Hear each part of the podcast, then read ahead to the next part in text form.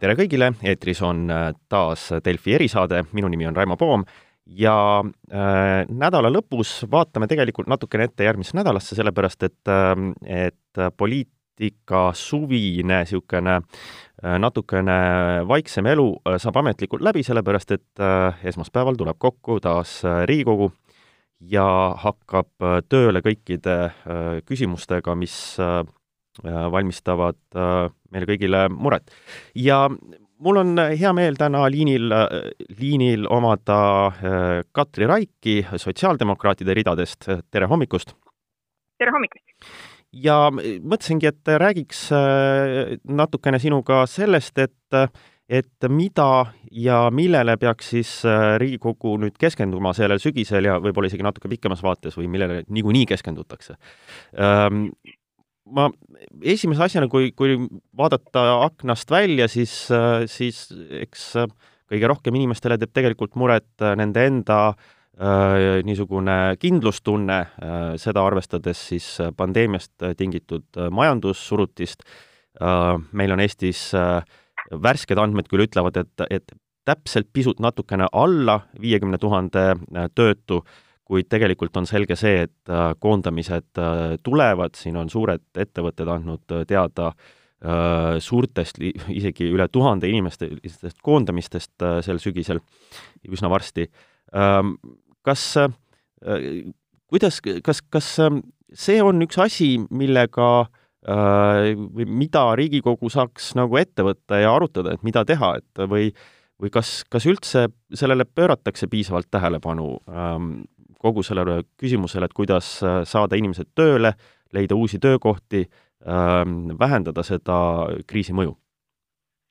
ja selge, et meie oma inimeste äh, heaolu on, on kõige, kõige olulisem ja, ja kindlustunne ja seda mitte ainult majanduslikus mõttes, vaid kui me just nimelt aknast välja vaatame, siis lähevad lapsed kooli et see, mis toimub hariduses, et kui stabiilselt me suudame hoida haridusasutused avatud, kui valmis me oleme ka tehnilises mõttes mingisugusteks muudeks hariduslahendusteks, neid küsimusi on palju ja vaieldamatult äh, tuleb kõigiga nendega tegeleda. kui me alustame tööpuudusest, siis tõesti täna hommikuse seisuga on tööpuudus Eestis seitse koma kuus protsenti, tundub nagu midagi väga koledat ei ole aga tuletame meelde, et selle aasta alguses oli see neli koma neli protsenti ehk sisuliselt poole vähem ja iga inimene on siinjuures ikkagi väga-väga oluline. ja mis on oluline vaadata alati, et tööpuudus on Eesti erinevates osades väga erinev. minu kodus Ida-Virumaal on see täna kaksteist koma neli protsenti ehk sisuliselt siis märkimisväärselt peaaegu et nelikümmend protsenti kõrgem kui Eestis keskmiselt, Valgamaal üheksa koma kolm protsenti. mis selles olukorras teha, üht-teist on tehtud algab tööampsude võimalus, eks ju, kus tegelikult siis kahekümne neljast kuust kaheteistkümnel saab teha tööd praeguse arvestuse järgi kuni kahesaja kuueteistkümne euro eest. me teame, et see raha tõuseb viiekümnelt protsendilt kuuekümnele protsendile senisest sissetulekust, kui sa koond-, koondatud saad, see, see meede algab ju nüüd ka kohe-kohe. Äh, tõuseb siis tööturu, töötuse hüvitis uuest aastast ligi kolmesaja eurole, sellisest ligi kahesajast eurost, väike raha aga abiks siiski. aga siin on palju küsimusi, mida peab edasi arutama. kas on õiglane, maksta rohkem veel töötuks jäämise mm, puhul senisest palgast? kas on õiglane, et äh, maksta hüvitist ka siis, kui lahtutakse poolte kokkuleppel või vabatahtlikult töölt? ja seda diskussiooni tuleb äh, üleval hoida, et võib öelda, et kevadel tehtu äh, inimeste toetuseks on nii-öelda pool rehkendust ja mis tehti, on väga hea aga nüüd tuleb tõsiselt edasi arutada, et see on kindlasti üks pool. mis puudutab nüüd igasuguseid uusi töökohti ja ümberõpet, siis mina olen siin üsna murelik, kui me ütleme ümberõpe, siis me kõik noogutame targa näoga ja kujutame ette, et kaevur läheb, õpib kutseõppekeskuses massööriks. nii lihtne see nüüd kõik ei ole. ja me peame mõtlema sellele, milline ümberõpe viib edule. minu meelest viib edule ainult see ümberõpe, kui inimene ümber õppides teab, et minu töökoht poole aasta pärast on selles ettevõttes see ja see ja kui ma ümber õppides saan selle oma tulevase töökoha miinimumpalka. ma olen näinud sellist mudelit töötamas eesti keele kui teise keele õpetajate puhul ja nendest keskealistest naistest, kes sellise programmi läbi tegid, on kolme aasta pärast, kaks aastat on nüüd läbi sisuliselt, kõik tööl. võib-olla see ei ole hea võrdlus, ent siiski et me peame mõtlema teisisõnu, kuidas ümberõpet paremini korraldada, et mitte jääma loosungi tasemele.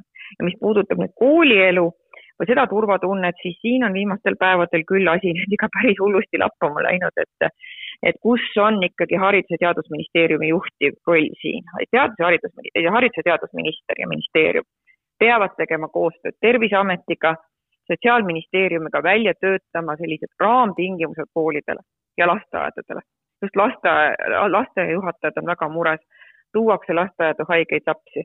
kuidas piirata ka koolide ja lasteaedade avatud oleku puhul ja me tahame, et koolid ja lasteaiad oleksid avatud, koroonaviiruse levikut. siin on vaja hoopis selgemaid äh, sõnumeid ja kui Tallinna linn on võtnud praegu ühe hoopis oma poliitika, siis ülejäänud Eesti omavalitsused ja koolid ja lasteaiad vaatavad, mis seal toimub.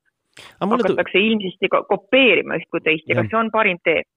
mulle tundub ka siin natukene niisugust äh, segadust juba tekivat, et, äh, et noh äh,, või kuidas sellele vaadata, et on noh, eks-, eksperdid ja, ja siis ütleme, terviseteadjad, noh, nagu näiteks äh, see äh, nõukogus, mis annab valitsusele nõu, et nad on üsna selgelt nagu noh, ütlevad, mida võiks teha, aga, aga ikka ütleme, poliitikutel on niisugune reaktsioon äh, kuidagi äh, mitte kinni hoida sellest, mida eksperdid ütlevad ja siis hakata kuskile äh, jooksma, kus keegi nagu kiiresti aru ei saa, et, et kas need reeglid peaksid olema ka sellised, et et, et äh, kui nad on paika pandud, siis neist hoitakse kinni? no ja siin ongi, ongi, me oleme ka selle koroona teema suutnud kohutavalt politiseerida praegu tunduks. et tõepoolest teadlased räägivad äh, ühte juttu ja Tallinna linn jookseb teises suunas oluline on, et haridusasutustel jääb vabadus, see on meie hea hariduse, väga hea hariduse alus olnud. aga selles olukorras on vaja selgemaid raame, on vaja selgemaid äh, sõnumeid, mida võib, mida ei või, mis tingimustel võib, äh, võib äh, muuta õppekorraldust. seni annab Haridusministeerium soovitusi.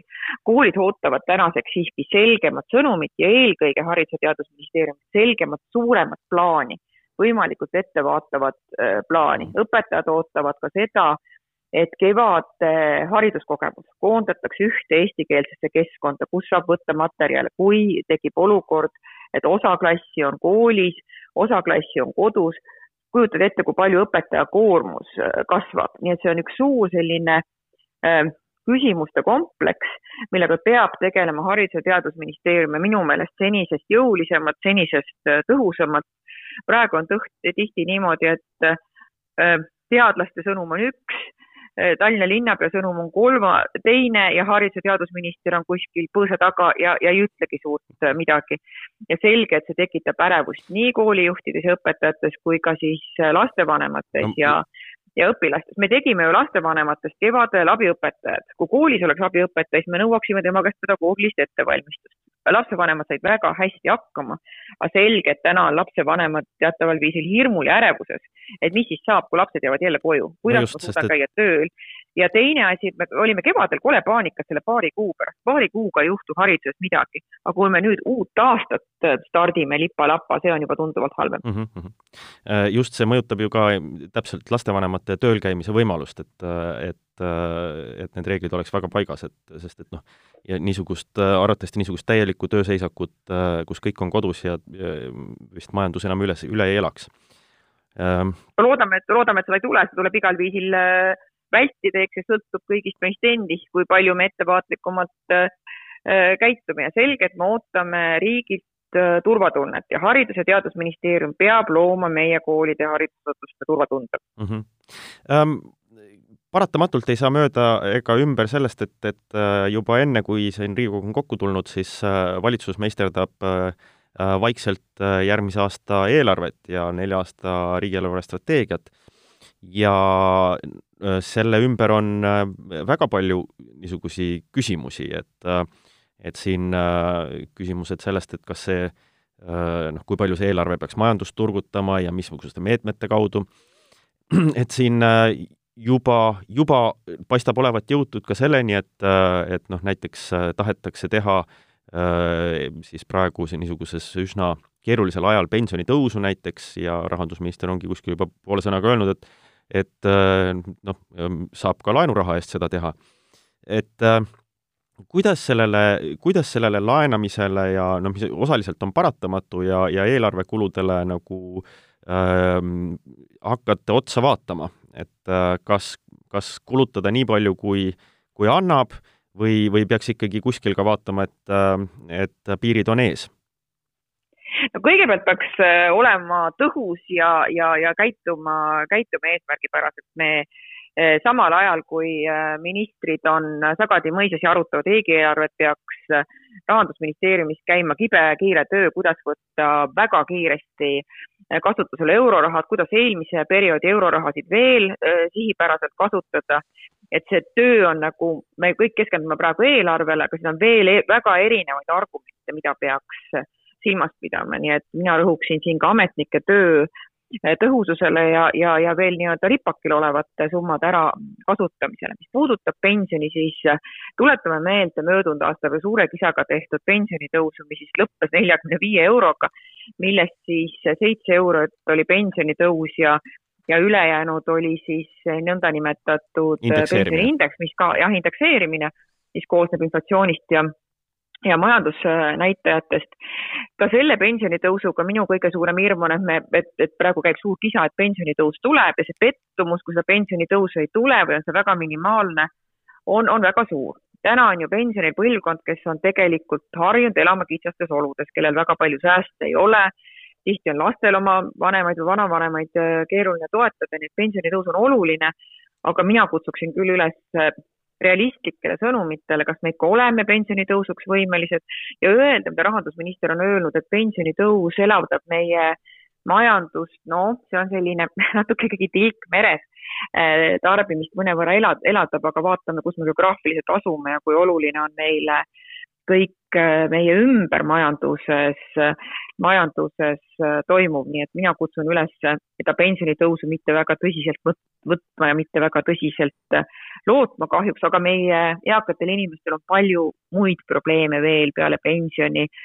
sotsiaaldemokraadid on selle küsimuse tõstnud, Keskerakond on viimasel ajal ka toetanud ja mina tean kahjuks äh, omast kogemusest, kui keeruline võib olla hoolduskoormus. Äh, kui keeruline on see, kui ema või isa või vanaisa või vanaema oli koroona ajal hooldekodus või haiglas, kuhu ei saanud kuid ähm, inimesele juurde. on tõesti küsimus, et kas, kas, kas, kas, kas parem ei oleks elu lõpus olla oma lähedaste ringis, et sinuga saaks, saaks suhelda, et kõik, mis puudutab omastehooldust, see peab olema äh, Äh, selle sügise teema, see ei ole ainult raha teema, see on ka meie suhtumise teema omastehooldusesse. Mm.. mis puudutab aga kogu seda eelarvelugu, siis me ju kõik teame, ei sina ega mina ei võtaks endale laenu selleks, et maksta kinni oma, ma ei tea, kahte restoraniarvet või, või igat õhtu restoranis söömast, et ikkagi ärme võtame laenu igapäevasteks kuludeks. kui me laenu võtame, siis paneme selle sellistesse kaua aega kasu toovatesse Äh, projektidesse. mind hirmutab see arvurida, mida toob välja minu hea kolleeg Andres Sutt, kes ütleb, et praegu on meil ühe inimese peale laenu siis päris kitast kuni päris vana inimeseni tuhat kaheksasada äh, eurot aastas inimese kohta maksta mm, -hmm. aga kahe tuhande kahekümne neljandal aastal, nelja aasta pärast on kaheksa tuhat, neli korda rohkem. kui me jälle võtame isiklikult, kui mul oleks tuhat kaheksasada eurot laenu ja, ja minu palk teatavasti on väga suur, siis ma oleksin kuidagi rahuliku südamega, kui mul oleks kaheksa tuhat eurot laenu lisaks, siis ma enam nii rahuliku südamega äh, siin sinuga ei räägiks, et mõtleme nende laenu, laenusummade peale, kuidas teha sellest laenust äh, leida parim lahendus. kõikide poliitikute mm, sõnavarasse on tulnud viimasel ajal sellised uued sõnad nagu digipööre, rohemajandus. Need sõnad tuleb lahti rääkida inimeste jaoks, millest me kõik aru saame et meie, meie selline keskkonna jalajälg peab olema tuleviku mõttes võimalikult väike. majad tuleb ära soojustada, kortermajad mm. -hmm. selleks tuleb kasutada euroraha, vajadusel ka laenuraha. teeme oma kahju, et me ei investeerinud oma ühendusteedesse mm, kakskümmend aastat tagasi. teeme ometi korda selle Tallinn-Tartu maantee, kes on olnud Põltsamaa ja Paide vahel teab, mida ma mõtlen. Pärnu-Tallinn sõidutee koos rekkadega on, on, on päris, päris õudne, sellega võrreldes on veel Tallinn-Narva suhteliselt äh, rahulikum tee. teeme korda oma rongiliikluse, elektrirongid, äh, rongiliiklus kiiremaks, tihedamaks, need on need kohad, kuhu me peaksime raha panema. näiteks selles mõttes ma räägin sinuga praegu Narvast, Narvas on tööpuudus kasvamas inimesed võiksid käia tööle kuskile Tallinna alla, mitte Aeguja platsile minda, vaid Ülemistel mindaks sellisel juhul maha või veel varem kuskil Maardus, et mm, -hmm. et, et, et tööle minna. see võiks olla saavutatav tunni, tunni viieteistkümnega. siis ei peaks inimesed oma kodust ära kolima, et ühendusteed ja, ja kõik meie majade soojustamine on need kaks asja, mis on, mis on minul küll väga südamel ja esimesed asjad mis on oluline, et meie riigi investeeringud praeguse plaanide järgi järgmisel aastal vähenevad ja see on lubamatu, see on täiesti so. lubamatu. ja, ja ähm,. teise külje pealt, mis seisab selgelt ees, on eks me kõik teame, et äh, aasta pärast on kohalikud valimised ja need hakkavad vaikselt ukselt aktsest, aknast sisse tulema ja ja pole ka mingi saladus, et, äh, et koalitsioon peab Riigikogus üsna pea ähm, otsustama, mida nad teevad siis selle äh, kõige keerulisema võimuleppes oleva äh, lubadusega ehk korraldada koos koos äh, omavalitsusvalimistega rahvaküsitlus, mis puudutab ähm, abielu defineerimist, et äh, ähm, mis, missugust äh, arutelu sellest on oodata, et ähm, kas on see varsti tulemas Riigikokku, on koalitsioon sellest üksmeelne, mida, kuidas teie sellele vaatate? No kui üksmeelne koalitsioon on, seda näitavad nüüd Riigikogu töö mm, esimesed, esimesed nädalad, äh, vaadates siin suvesündmusi, vahest see üksmeel enam nii suur, äh, suur ei ole. mis puudutab seda õnnetut referendumit, siis tuleb kõigepealt pöörduda tagasi põhiseaduse poole ja seal on kirjas, et perekond rahva püsimise ja kasvamise ning ühiskonna alusena on riigi kaitse all. see viitab väga selgelt traditsioonilisele perekonnale ja perekonnaseaduses on kirjas, et abielu on naise ja mehe vahel Mm -hmm. et siin ei ole mingisugust äh, probleemi, mida me läheme lahendama, küll on see rahvaküsitlus äh, sellisel kujul ühiskonda ülimalt äh, lõhestab. kõigepealt jagatakse meid jälle kaheks äh,, olgu need siis äh, naised, kellel pole lapsi, üksikemad mm, ähm, kõik, kes on samasoolistes suhetes, on, on nii-öelda halvad ja teised on siis need nii-öelda õiged ja õiged ja head. väikese ühiskonna lõhestamine on, on saatanast, seda ei tohi teha ja teine lõhestumise koht on veel, mida võib-olla Tallinnas, Tartus või Viljandis ei adu, see on ähm, meie venekeelse elanikkonna väljakutse, näiteks Nii. Narvas on äh, pooled inimesed ei ole, ei oma Eesti kodakondsust üsna, üsna viiskümmend protsenti Narva linna elanikest omab Eesti kodakondsust ja ülejäänud on kodakondsuseta või Vene kodakondsused. Nemad sellel rahvahääletusel osaleda ei saa. kujuta ette, Vene vanaema Valja siit minu kõrval trepikülast läheb valima ja selgub, et et, et, et ta sellele hääletusele ei sobigi. me jagame inimesed ka siin esimesse ja teise sorti. me mõlemad teame, et arutada kodakondsusküsimuse üle Eestis on ülimalt keeruline, tuuakse alati lauale ainult ennem Riigikogu valimisi, aga see lõhestumine on nagu väga, väga mitmekihiline ja oluline, nii et eks see paneb kindlasti mõtlema ka Keskerakonda, kelle valijad suuresti ju venekeelne elanikkond endiselt on mis sellest rahvahääletusest nemad järelduse teevad ja kuidas see mõjub näiteks kesk, Keskerakonna valimistulemusele, nii et see on, on väga, see lõhestumise küsimus on, on väga-väga äh, oluline, et ärme lähme sellesse seatud öö, äh, lõksu. Mm.. ja see rahvahääletusel ei ole selles mõttes mõtet, et see rahvahääletus ei ole kellelegi kohustuslik ja seda peab väga selgelt aduma, et Riigikogu liige on oma mandaadis vaba ja kas pärast siis seda rahvahääletus kinnitatakse või ei kinnitata, mis sellest edasi saab, see on ju kõik ebaselge. kui minna seaduslikku teed, siis peaks vähemalt kakskümmend üks Riigikogu liiget algatama rahvahääletuse küsimuse, minema seadusemuudatuse teed, sellest, kui me tahame muuta põhiseadust, mis selle küsitluse eesmärk ju on mm, -hmm. selleks on vaja ju viiest Riigikogu liikmest kolm peaksid selle äh, poolt mm -hmm. hääletama. sellist, sellist Äh, häälte enamust äh, on väga keeruline kokku lugeda, selline häälte enamus kokku ei tule. ja põhiseadus ei ole lörtsimiseks, põhiseadus on meie alusdokument ja jätame nüüd äh, selle rahule ja võtame siit oma erakondlikud huvid ikkagi välja, et kokkuvõttes seda hääletus on, on mõttetu, ei vii meid kuhugi ja, ja kindlasti lõhestab ühiskonda veel ja oleme väikses ühiskonnas selle suhtes väga, väga tundlikud peame olema kõik ma viimase asjaga kiiresti küsin ka, kuna oled otseliinil Narvast ja, ja mainisid ka Keskerakonda ja, ja Ida-Virumaad siin mitmel korral, et et kui räägin siin erinevate niisuguste inimestega, kes väga täpselt jälgivad äh, Äh, erinevaid küsitlusi ja kuidas äh, parteidel läheb erinevates Eesti piirkondades, siis aina enam tõdetakse, et võib-olla kõige huvitavam äh, kohalike valimiste valguses piirkond ongi Ida-Virumaa, kus öeldakse, et paistab, et Keskerakonna niisugune ainuvõim on kuidagi äh, hääbunud ja, ja tundub, et seal võib olla teistel võimalust, kui tehakse, või, või, või võivad muutuda jõujooned Ähm, vastab see tõele? ja no tõepoolest on niimoodi, et Keskerakonnal on väga kindlad jalg maas kahes kohas praegu, see on Kohtla-Järve ja Sillamäe ja noh, Jõhvis ei ole enam kindlustunnet, Narvas ei ole praegu ükski Eesti partei äh, aktiivne või ei ole volikogus ühegi siis Eesti erakonna äh, fraktsiooni. nii et jah, Keskerakond on siin oma positsioone äh, tugevasti kaotanud ähm, kogu selline Keskerakonna ainuvõim on viinud küll selleni, et partei või erakond on, on Ida-Virumaa selline halvamaiguline sõna, nii et kuidagi hoitakse eemale ennast, ennast sõnast partei ja erakond. Et ma, ma arvan, et järgmistel valimistel on siinkandis ka palju valimisliite, aga eks siis nendel valimisliitudelgi ei ole võib-olla ühe või teise erakonna nii-öelda maik juures või, või, või värvid, värvid kuskil selja taga, selja taga näha, aga on kindlasti väga huvitav periood, mis, mis saab.